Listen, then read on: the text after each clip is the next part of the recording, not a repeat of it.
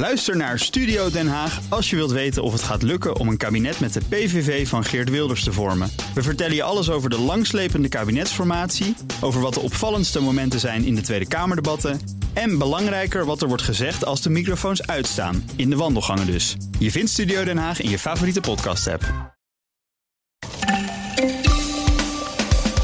Nu we weer gewoon naar de winkels mogen, is de omzet daar ook echt flink gestegen. Bij kledingwinkels bijvoorbeeld met zo'n 50% De Pensioenfederatie ziet heel weinig in het voorstel van het Centraal Planbureau om mensen meer te laten sparen door de pensioenpremies te verlagen. En hoed u voor namaak. Wij zijn slecht voorbereid op deepfakes. Misschien moeten we ze wel reguleren met wetten, zoals in sommige andere landen gebeurt. Maar we moeten er in elk geval over nadenken wat we ermee willen. Dit is Nieuwsroom, de dagelijkse podcast van het Financiële Dagblad en BNR Nieuwsradio. Met het nieuws verteld door de journalisten zelf. Ik ben Mark Beekhuis en het is vandaag donderdag 6 mei. Hallo Jan Braksma. Hey, goedemorgen Mark. Van het Financiële Dagblad. Wij gaan het hebben over de detailhandel. Dat is waar je ja, altijd mee bij, nou, bijna altijd mee bezighoudt. Hè? Heel af en toe een klein uitstapje. Nou ja, officieel heet mijn portefeuille detailhandel en levensmiddelen. Dus uh, daar vallen ook de, uh, alles wat je kan kopen en alles wat je kan eten ongeveer. En drinken. En wat we dus ook weer kunnen kopen. Want de winkels, nou, je mag er weer naartoe. Ja. Uh, je mocht. al wel, maar dan moest je een afspraak maken en dat was gedoe. Ja, vier uur van tevoren minstens. Dus als je nu, uh, als je in de loop van de middag bedacht dat je iets wilde hebben, was je al te laat. Er stonden alweer uh, hele lange rijen bij de Primark en de Ikea. Ja, ik zag zo. Dus mensen zaten er echt op te wachten. Ja, blijkbaar ja. En dat, nou ja, dat zie je ook, want dat is het verhaal wat je gemaakt hebt. Dat de winkels weer de weg omhoog gaat vinden zijn ineens. Ja, het, uh, de versoepelingen helpen. Ondanks dat het, dat het slecht weer was de afgelopen dagen, blijkt uit uh, pindata die ING en Rabobank hebben geanalyseerd dat uh, ja, het, het, de onderbuik klopt eigenlijk. Zo, zo zag ik het zelf. Ja. ja, we, ja, we zagen want je al, dacht al wel, gaat vast goed. Ja. ja, we zagen het gaat vast goed. Ja, en het klopt, het gaat ook goed. Vooral de, de kledingverkopen doen het hebben het goed gedaan. Uh, en ook gewoon ja, de, de, wat dan overige winkels, dus de warenhuizen en de discounters, dus de, de HEMA's en de Action, dus de blokkers, noem ik ze maar even, die uh, doen het ook heel goed. Het, ja, het past ook precies met waar ik zelf over getwijfeld heb. Ik ben nog niet echt in de winkel geweest, meer in de laatste weken. Maar inderdaad, kleding, dat is onhandig via internet kopen. Veel makkelijker om het even in zo'n pashokje te kijken of het echt past. Ja, precies. En, en als je een staafmixer bij wijze van spreken nodig hebt, wil je die toch ook even in de handen houden. Dus dat is ook, ja, precies die dingen. Ja, nee, dat, dat is het ook. En, uh, en, en, je zag dat het online het uh, een behoorlijk deel had overgenomen toen de winkels gesloten waren of, of matig ge ingewikkeld geopend, laten we het maar zo noemen. Ja. Um, dus de ideal betalingen waren door het dak geschoten. En uit die cijfers van ING en Rabo blijkt nu dat die weer wat zijn gedaald. Dus je ziet echt dat er een soort wissel geweest is van alles wat wij, een deel van wat wij eerst online kochten de afgelopen maanden, zijn we nu weer in de winkel gaan kopen. Uh, dus, dus het is toch weer een beetje een terugkeer richting het oude normaal. Uh, nou, nou moeten we zeggen, waarschijnlijk zit er nog wel wat, uh, wat inhaalvraag bij. Want als jij mm -hmm. toch een keer een staafmixer wilde halen en je hikte er al een paar weken tegenaan, dan ga je die, en je wil hem heel graag hebben, dan had jij afgelopen weekend ergens in de rij moeten staan precies. om hem te halen, Mark. En dan het komend weekend is die rij alweer een stuk korter. Ja, precies. Want iedereen wilde nu zijn staafmixer of nieuwe, nieuwe slippers of overhemden halen. En, dus ja. is ook wel een terechte kanttekening van, van Rabobank, die uh, zegt: ja, nu gaat het even heel goed. Nu zien we zo'n piek in die betalingen. Maar ja, er zitten ook de Mark Beekhuizen bij die uh, inhaalvraag hadden. Dus het is de vraag hoe hard dat zometeen nog blijft doorzetten. En daar zijn ook ervaringen van de vorige verruimingen bij, hè? die daar ook wel aanleiding toe geven om te denken dat er even een piekje is en dat het dan toch weer een beetje terugzakt. Ja, ja, in de vorige keren zagen we ook zodra het weer soepeler werd, dan ging iedereen er gebruik van maken. Nou, ik weet zelf nog heel goed, vorig jaar 1 juni, toen we weer het terras op mochten. Nou, ja, ik zat er. Ja. En uh, twee dagen later dacht ik, ja, ik hoef ook niet elke dag op het terras te zitten. En dus uh, uh, even is het leuk. Sindsdien heb je niet elke dag op het terras gezeten. Nee, klopt. Ook omdat het de afgelopen weken niet mocht. Nee, dat, dat is ook waar. Dat is waar. Maar op het terras te zitten, denk ik. In de afgelopen week, in het afgelopen weekend? Ja, zeker. De afgelopen weekend niet, omdat het slecht weer was. Maar uh, woens, woensdag, toen het weer mocht, heb ik op het terras van Dauphine, uh, onze toch een beetje de, FD hangout, want op twee trappen van de redactie heb ik een paar biertjes en wat garnalenkroketten besteld. Met, met collega. Maarten van Pol. Het, het, kon weer. En dus hebben we meteen ja, gedaan. meteen gedaan. Ja. ja. Zo voorspelbaar zijn we eigenlijk allemaal. Wij zijn verschrikkelijk voorspelbaar. Ik heb er ook al twee keer gezeten. Ja. ja, het is ook gewoon de plek naast de redactie. Dus als je dan een keer daar bent en je zegt... hé, hey, we moeten even bijpraten. Uh, niet onbelangrijk detail. Op het ogenblik is de redactie ruimte natuurlijk een grote puinhoop in verband met de verbouwing. Ja. Dus je gaat ook niet even gezellig in die hele krappe ruimte die overgebleven is, daar gezellig bij praten. Als je die ene dag in de week op de redactie bent. Nee, precies. En meestal zit dus je we hadden een goede smoes. Zoals wij ook nu. Ja, nu zitten we thuis te werken. Ja. Even goed. Is het in alle winkels dat het weer oploopt? Want je zei al, bij de overige winkels en de kledingwinkels, daar loopt het op. Maar betekent dat dat het bij andere winkels dat de piek minder hoog was? Nou, de, de kleding was wel echt een heel groot verschil. Dus blijkbaar hebben mensen, hikten mensen daar echt tegenaan om een, om een afspraak te maken. Um, want daar is de omzet bijna verdubbeld.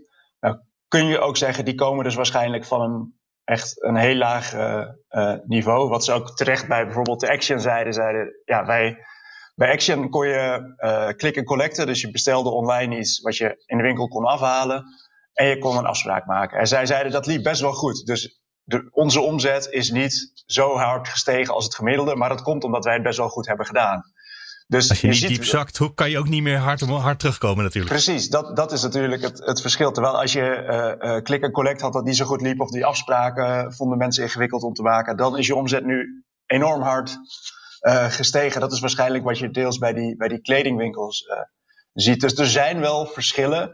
Maar over de hele linie kun je wel zeggen dat, het, dat de omzetten behoorlijk omhoog zijn gegaan. Dus ja, de, de, de onderbuik klopt. De lange rijen voor de winkels, die zijn er met de reden.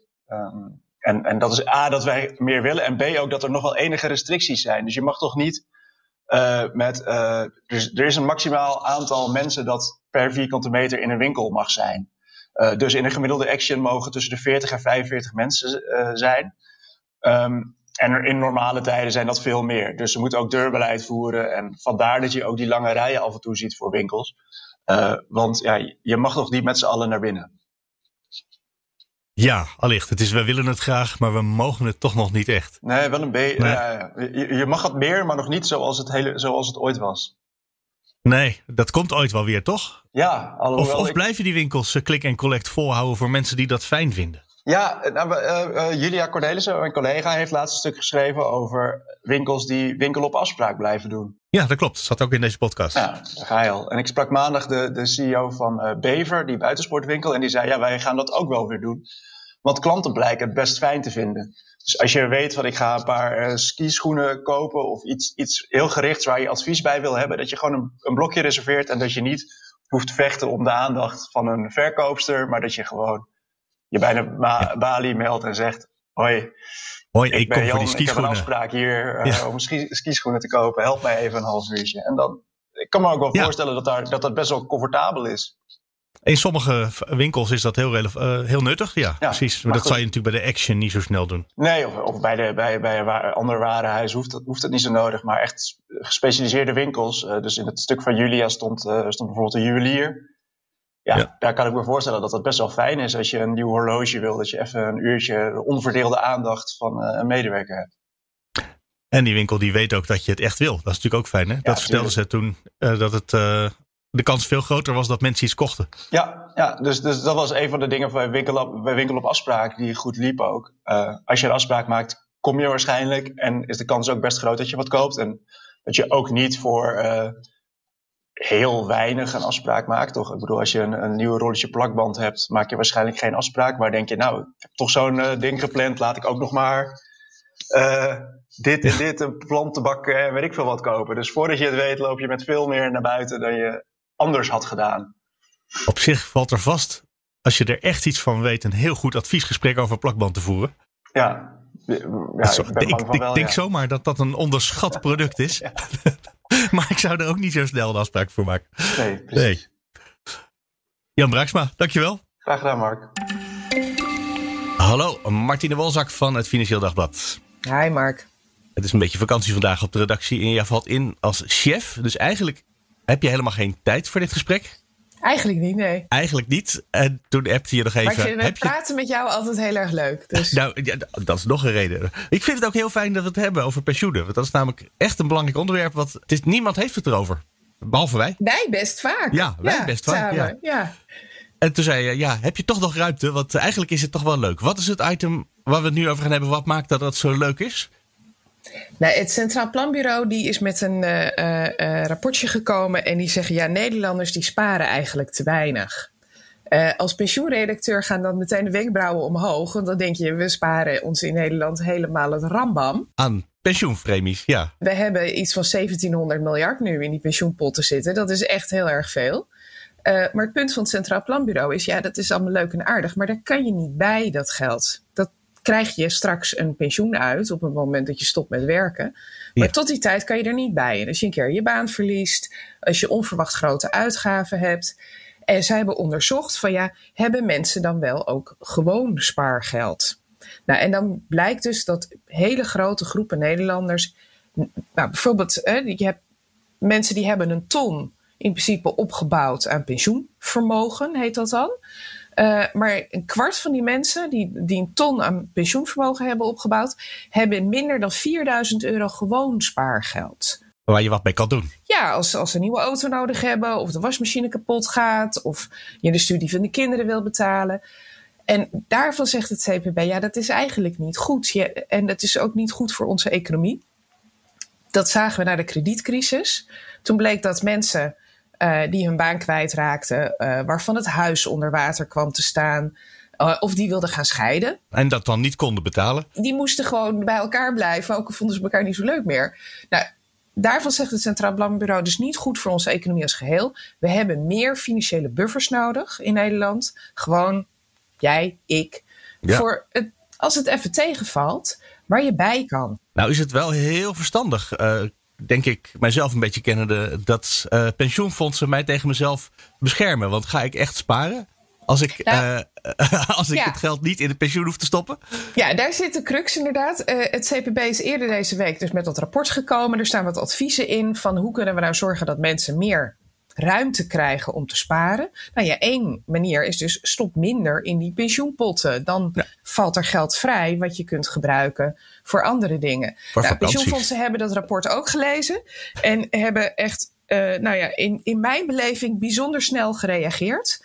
Mm -hmm. uh, vaak uh, denken ze er best even een dagje over na voordat ze reageren op zoiets. Nou, nu stond er meteen binnen een paar uur een reactie op de website van de koepel van pensioenfondsen, de Pensioenfederatie.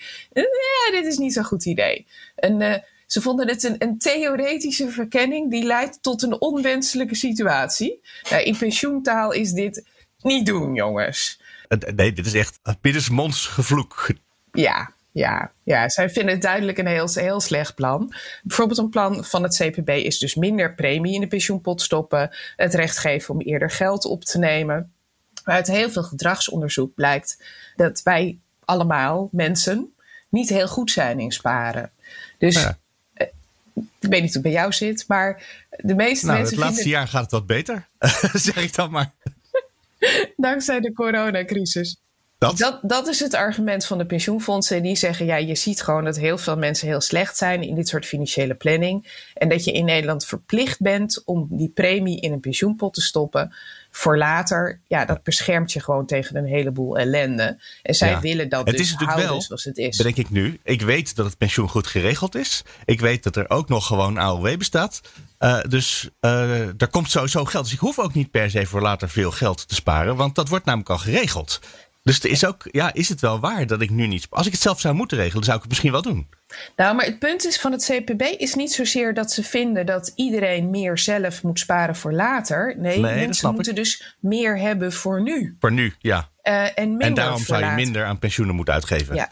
En, dat kunnen die pensioen, ik denk pensioenen zelf dat hebben. er het, het uiteindelijk een. Uh, je hebt niet iedereen moet minder gaan sparen voor pensioen voor later.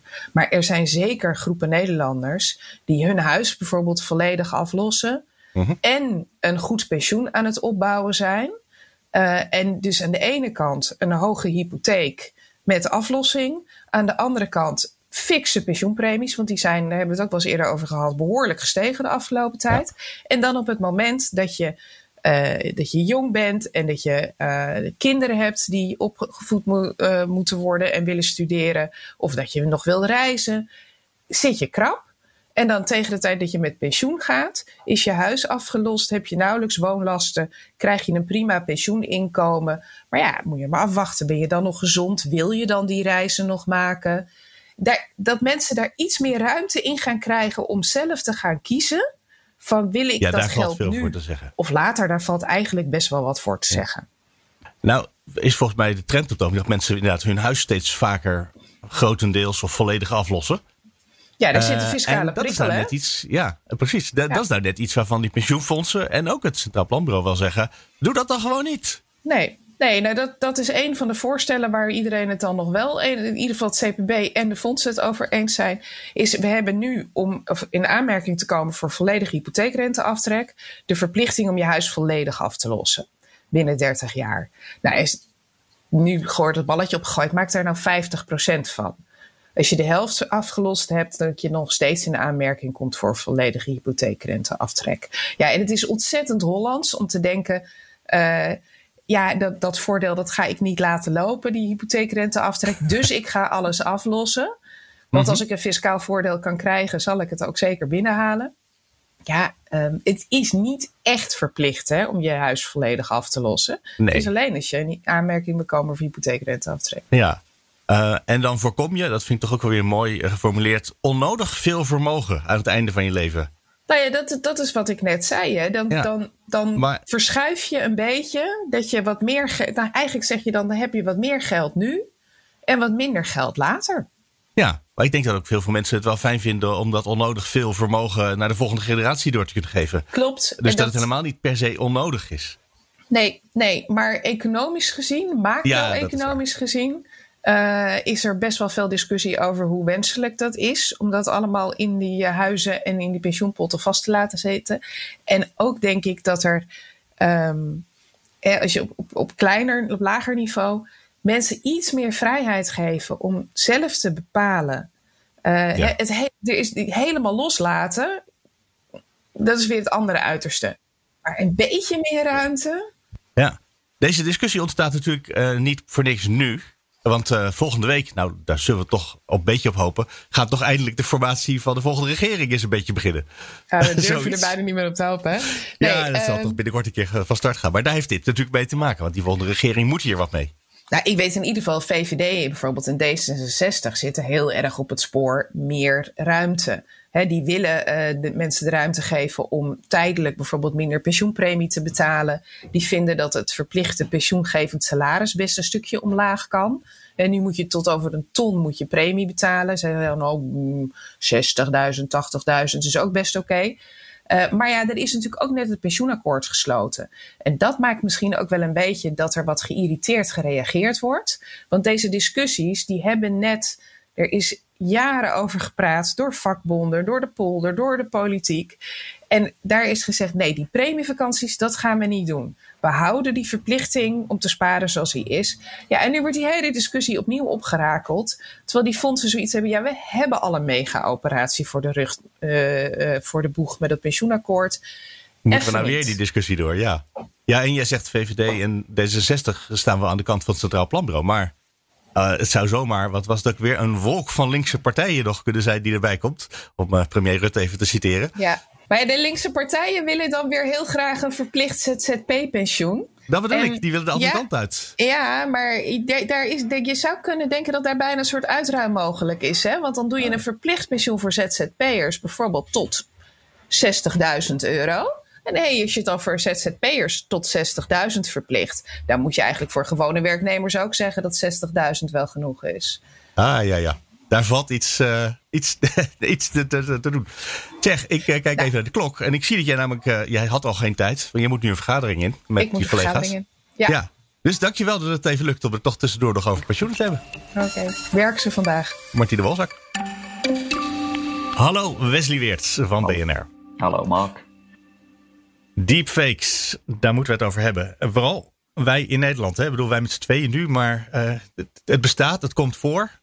Er was even twijfel of misschien de Tweede Kamer eh, pas nog heeft zitten praten met een deepfake. Ik begrijp dat het achteraf een, uh, gewoon een gesminkte acteur was. Ja, dus dat is veel minder high-tech dan het leek. Maar het, het, het, zou zomaar kunnen zijn dat, het, dat we ermee geconfronteerd worden. Ja, en was... we weten er niks van.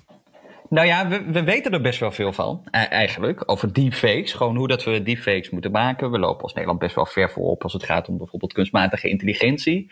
Um, maar waar we wat meer moeite mee hebben, uh, is eigenlijk het uh, herkennen van deepfakes. Het detecteren ervan. En ons er tegen wapenen op het moment dat zo'n deepfake uh, op een negatieve manier wordt gebruikt. Of wordt misbruikt eigenlijk. Mm -hmm. um, want voor de goede orde, een, een, deepfake is niet per se iets slechts. Want je kunt er ook heel veel leuke en grappige dingen mee doen. Op Snapchat zitten ook allerlei filtertjes uh, die een andere laag over je gezicht leggen. Uh, dat is ook een, vorm van deepfake. Nou, dat is op zich wel grappig. Uh, je hebt ook nou, satirische programma's die er tegenwoordig gebruik van maken. Dus het is niet per se iets slechts. Um, maar het kan wel misbruikt worden. En in dat geval, je noemde net dat voorbeeld inderdaad van die stafchef van Navalny. dat, zou, dat zou een deepfake zijn geweest. Achteraf misschien toch niet. En dan een acteur of een dubbelganger. Ehm, maar dat is wel een voorbeeld uh, waarvan je kunt zeggen, als er inderdaad een deepfake gebruikt wordt, of eventueel een toekomstig voorbeeld, ja, dan wil je dat eigenlijk voorkomen. Want je wilt natuurlijk niet in dat soort, uh, ja, in, in, in dat soort uh, valstrikken trappen. En daar wil je dan methoden voor ontwikkelen, of wetgeving voor maken, of software voor ontwikkelen, of voor extra bewustwording zorgen, zodat je dat voorkomt, dat je daar intrapt. Ja, het is natuurlijk eh, van alle tijden hè, dat uh, prank calls, waar dat in het Nederlands, uh, dat grappenmakers een telefoontje met uh, ja. de minister-president van Australië of Nieuw-Zeeland of een enkele keer bij, nou ja, met ons dus vorige week en half Europa begreep ik. Ja. Um, dus het is, aan de ene kant is het van alle tijden, aan de andere kant, omdat het met de computer gaat, zal het vast makkelijker, sneller en daarom veel meer voor gaan komen. Uh, ja, mogelijk wel. Dat weten we natuurlijk niet. Want ja, we kunnen moeilijk in een glazen bol kijken. Uh, in, in, in, in, in dat opzicht moeten we denk ik ook niet doen alsof het uh, iets nieuws is. In de zin van, hè, we, we, kennen het fenomeen nepnieuws al, waarbij stukjes worden geschreven. We kennen Photoshop al. Dat is ook een vorm van manipulatie, maar dan met foto's. Dit is, dit is een van de nieuwe technieken waarmee je mensen voor de gek kan houden. Soms op een leuke manier, maar dus ik, ja. vaartwillenden kunnen er ook echt wel iets negatiefs mee doen. die, die, die kunnen ervoor zorgen uh, dat, dat het ook voor politieke doeleinden bijvoorbeeld wordt gebruikt, politieke desinformatie. En daarvan zeggen experts die ik heb gesproken, maar ook een aantal politici. Dus ik heb een eurocommissaris gesproken, ik heb een Kamerlid gesproken, uh, hoogleraren die gespecialiseerd zijn in, in deepfakes, of misschien ook, weet, dat is heel specifiek, maar ook over het algemeen in kunstmatige intelligentie. En die zeggen, uh, ja, Europa, maar vooral ook Nederland, ja, die moet zich toch beter wapenen tegen die deepfakes. Hè? Tegen, tegen die negatieve gevolgen uh, van deepfakes. Omdat dat waarschijnlijk wel een techniek is die in de toekomst vaker wordt toegepast. En die ook steeds uh, echter lijkt. Ja, het begin ja, kon, iedere gek zien dat dat, ja, dat dat nep was. Ja, ik kon meteen zien. Maar dat is nu niet meer altijd zo makkelijk. Dat is niet altijd zo makkelijk. Het is nog niet helemaal perfect. Maar die techniek die verbetert wel heel erg snel. en er komt een moment ja, daar kun je vergif op innemen dat je echt van nep niet meer kunt onderscheiden. En dan wordt het wel lastig om uh, te beoordelen of dat wat je ziet ook echt is uh, wat, je, wat je ziet, of dat dat door een computer gemaakt is. Ja, zien is geloven, zeiden ze vroeger. Hè? Ja, maar dat, maar dat is dus niet meer per se maar zo. nee, maar dat is al langer eigenlijk. Eh, ja, dat, dat, is inderdaad. Met Photoshop. Ja. In, nou, en Photoshop, soms is het ook gewoon dat er uh, een plaatje uit een hele verkeerde context. Dan gaat het over rellen in het ene land en dan krijg je foto's van vijf jaar geleden uit een totaal ander land erbij. En dan lijkt het alsof de politie of de relschoppers zich misdragen. terwijl dat ja. Uh, ja. misschien waar is, maar niet uit die foto blijkt, want die komt daar niet vandaan. Nee. Uh, dus dat is iets wat nu al. in, nou ja, dus ik volg een paar mensen op Twitter die heel erg aan het factchecken zijn. En nou, netjes dan een rood kruis doorheen uh, photoshoppen. Zodat je weet dat het niet echt is. ja, dat is een hele simpele uh, manipulatie van het beeld. Niet echt. Uh, maar wat, je, je, noemde net al een heleboel dingen die we zouden kunnen doen. Van voorlichting tot en met wetgeving. En ik hoorde ook software. Is dat iets wat misschien. Kunnen kunstmatig intelligente computers deepfakes beter herkennen dan wij? Op dit moment werkt die software nog niet uh, echt vlekkeloos. Het staat behoorlijk in de kinderschoenen als het gaat om detecteren. En je kunt je ook afvragen of detectie. Detectie zal nooit de enige manier zijn om deepfakes tegen te gaan. Ik vergelijk het met een, met een virusscanner. Uh, Zo'n virusbedrijf die zo'n virusscanner maakt, loopt ook altijd achter de feiten aan. Want die criminelen die die virussen maken, die zijn altijd een stap verder. En dat zal je ook bij die deepfakes hebben. Dus als je al detectie hebt, uh, dan gaat het mogelijk een groot deel wel tegenhouden. Maar er glipt altijd wel iets tussendoor. Dus dat uh, is een van de puzzelstukjes om uh, deepfakes uiteindelijk te herkennen uh, en je daartegen te wapenen. en daarnaast zou de wetgeving bijvoorbeeld een extra aanvulling daarop kunnen zijn. Dat je, maar wat zou die wetgeving moeten regelen dan? Want je noemde net een paar hele mooie voorbeelden, apps die alle tieners in hun telefoon hebben zitten. Dat daar hele leuke toepassingen van deepfakes in zitten. Dus we gaan het niet verbieden. Uh, nee, dat heb ik politici ook gevraagd. Uh, van, wil je dat dan verbieden? Want dat lijkt me enerzijds lastig, maar misschien ook onwenselijk, omdat deepfakes ja. ook gewoon positieve toepassingen heeft. En dat is niet waar die politici op doelen. Um, uh, overigens zien ook natuurlijk niet alle politici iets in extra wetgeving. Want er is natuurlijk al wetgeving als het, als het, het strafrecht biedt al bepaalde uitkomsten. Als het bijvoorbeeld gaat om, om smaad en laster en haatzaaien. Um, ja. Alleen sommige politici zijn wel voorstander van het expliciet vastleggen in de wet dat misbruik van deepfakes uh, dat dat niet mag. Uh, en als voorbeeld wordt, wordt Californië aangehaald. Dat is een staat waar deepfakes in politieke campagnes, die, die, staat deed, het, gebruik daarvan al eerder in de ban. en, en het expliciet vastleggen daarvan, dat zou een optie zijn. En ook in Europa wordt nu wel wetgeving gemaakt. maar we spraken bijvoorbeeld PvdA-Kamerlid Barbara Katman. En zij zegt, ja, we moeten niet wachten op Europa. Ze is er wel blij mee dat er in Europees verband wetgeving wordt gemaakt, regels wordt gemaakt om misbruik tegen te gaan. Uh, maar zij zegt dat moet geen reden zijn om nu op onze handen te zitten en niks te doen. Nederland kan daarin ook het voortouw nemen, uh, daar al mee beginnen en erover nadenken. Uh, en, en ja, dat is dan voorbeelden die je van politici hoort. Dus niet het, het verbieden van het gebruik van deepfakes. maar, maar wel, wel in een politieke campagne bijvoorbeeld, bijvoorbeeld, of in een bepaalde context. Ja, ja. Ja, ja, in een bepaalde context zou je het kunnen, kunnen verbieden. Vraagporno is is daar bijvoorbeeld ook één van. Dat is ook iets wat steeds vaker voorkomt. En mm, nou ja, de, de voorstanders zouden misschien kunnen zeggen, nou dat heeft ook nog een vorm van creatieve expressie. Maar daarvan zou je kunnen zeggen. Ja, dat, zou, je maar dat zou je natuurlijk, dat zou je bij een politieke campagne ook kunnen zeggen. Dat je gewoon een. Uh, een soort in gedachte, in gedachte gesprek voert met iemand die natuurlijk helemaal niet bereid is om met jou in discussie te gaan. We hebben in de afgelopen campagne gezien dat uh, Mark Rutte in discussie ging met Geert Wilders. En toen nog een keer met Geert Wilders en nog een keer Geert Wilders. Ik kan me goed voorstellen dat pak een beetje Partij voor de Dieren, waar hij niet zo gauw mee in gesprek gaat, dat die uh, een soort deepfake video met realistische antwoorden voor Mark Rutte zouden hebben willen maken. Ja. Um, ja. En dat zou, uh, nou, dat is niet verboden, dus misschien gaan ze het nog wel doen, ook de volgende keer. Ja. Ja, wat dat betreft is het uh, absoluut ook geen waterdicht systeem. Uh, dat geldt zowel dus voor die detectie als voor die wetgeving. Ja. Dat weten die politici ook wel. Want ja, ga maar eens naar de rechter en ga maar eens inderdaad aantonen dat er sprake is van misbruik. Dat dat niet mag. Uh, dat, dat, dat ligt best wel lastig. Zelfs als je het dus zo expliciet in de wet vastlegt. Dus zij zien het ook meer als. En, en dat is één punt. Het andere punt is ook nog dat als je. Hey, wij, wij hadden dat voorbeeld net van Navalny. Nou, dan zou misschien nu dus geen sprake zijn van deepfake. Maar stel Rusland of China of iets buiten Europa uh, doet toch iets met deepfakes waarvan wij zeggen, ja, dat willen we helemaal niet hebben. Dan kunnen we in Europa wel allerlei wetten en regels hebben. Ja, dan ja gaat, probeer die Russen maar eens in de cel te krijgen hier. Ja, maar ook gewoon criminelen in Europa. Ja, die gaan zich natuurlijk ook niet, die, die houden zich nu ook niet aan wetten en regels. Dus in die zin gaat het ook niet dat echte misbruik tegen. Maar zij zien het dat allemaal als kleine elementen om uh, uiteindelijk dat misbruik tegen te gaan. Detectie, wetgeving, maar ook bewustwording. Hè? Jij en ik, uh, wij worden geconfronteerd ook met die deepfakes op sociale media, Facebook, Instagram.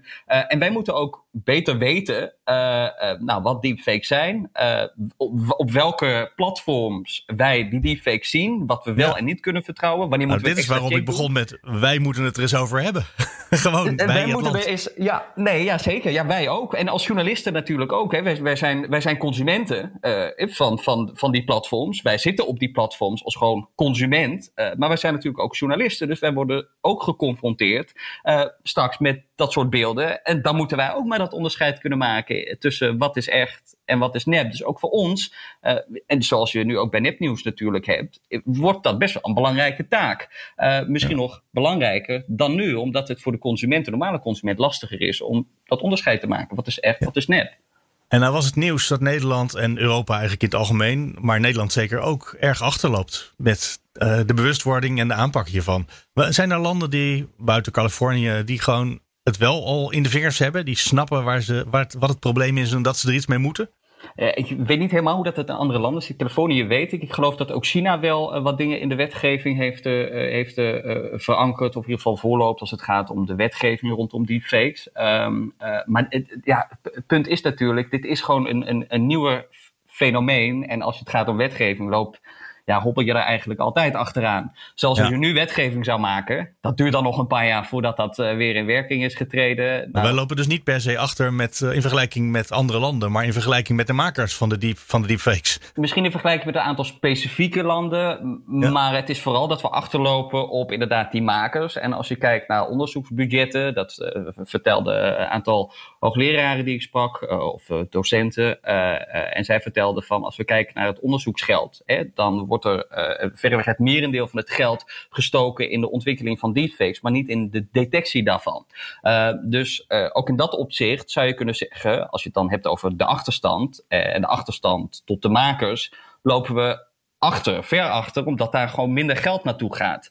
Um, en als je bijvoorbeeld een platform als Facebook en Instagram via wetgeving verplicht om bijvoorbeeld een label te plakken uh, bij video's waar sprake is van deepfake, nou, dan moeten die platforms investeren in die detectie. En via wetgeving kun je die platform straffen op het moment dat je dat niet doet. Dus je gaat niet direct uh, in alle gevallen die makers straffen. Eh, want daar zit natuurlijk ook nog nuance in. Dus je kunt wel Ja. extra wetgeving hebben. Maar ga je dan. Die, die Russen gaan we niet tegenhouden, maar de Facebook en Twitter misschien wel. Misschien wel. Dus daar zit ook nog een nuance. En daar denken, daar denken experts ook anders over. De ene expert zegt, we moeten juist die makers straffen. De ander zegt, nee, we moeten... Als we al wetgeving eh, afdwingen, dan moeten we eigenlijk dat afdwingen bij die platforms. Want zij moeten die controlefunctie uitvoeren. Eh, Lijkt en me dan heb veruit de makkelijkste te regelen. Want je, het is makkelijker om Facebook te reguleren dan om een, een Russisch trollenleger eh, te bedwingen. dat lijkt mij ook. En Ook dan al is Facebook een heel groot en machtig bedrijf. Dat, dat denk ik ook. En dan heb je tot slot nog eh, één ding wat ik wel belangrijk vind, is dat ehm, we, we moeten niet doen alsof die politieke deepfakes aan de orde van de dag is op dit moment. Dat dat een probleem is dat elke dag voorkomt. We kennen, ik noemde het al een paar keer het voorbeeld van Navalny, maar we hebben ook niet heel veel meer voorbeelden dan dat. En dat was misschien niet eens een deepfake. Nee, Ehm, precies. dus er zijn ook mensen die ik sprak, eh, van, eh, die zeggen van, tuurlijk, dit wordt groter en dit wordt vast wel op een aantal punten een probleem. Maar de vraag is of we extra wetgeving nodig hebben. Om die reden die, die ik net ook al noemde. We hebben al het strafrecht, daar zijn al dingen in vastgelegd. En we kunnen al mensen eh, eh, eh, berechten, straffen op het moment dat ze, ze ja, andere wetten overtreden. Want als je zo'n deepfake gebruikt en je misbruikt het, dan overtreed je waarschijnlijk ook andere wetten en regels. Dus er zijn ook mensen die zeggen van, eh, detectie prima, voorlichting prima, maar extra maar ook weer niet nou, overdrijven. Inderdaad. Ja. Verwarrend dit aan het einde. Want nu weet ik niet meer wat ik moet vinden. Maar daar ga ik eens over nadenken, Wesley Weerts. Dankjewel. Dan heb je in ieder geval stof om over na te denken, inderdaad. Ja, dat is waar het allemaal mee begint. We moeten erover nadenken. Ja, nou ja, echt. Eh, ja. Dat was hem voor vandaag. Je kan natuurlijk altijd reageren. Mail naar nieuwsroom.bnr.nl of nieuwsroom.fd.nl. Dan zijn we er morgen weer. Morgen is er een aflevering van Nieuwsroom Den Haag. Hoewel het wel een heel rustig weekje is. Dus ik ga zo eens even met Sophie overleggen wat we morgen eigenlijk gaan doen. Tot morgen.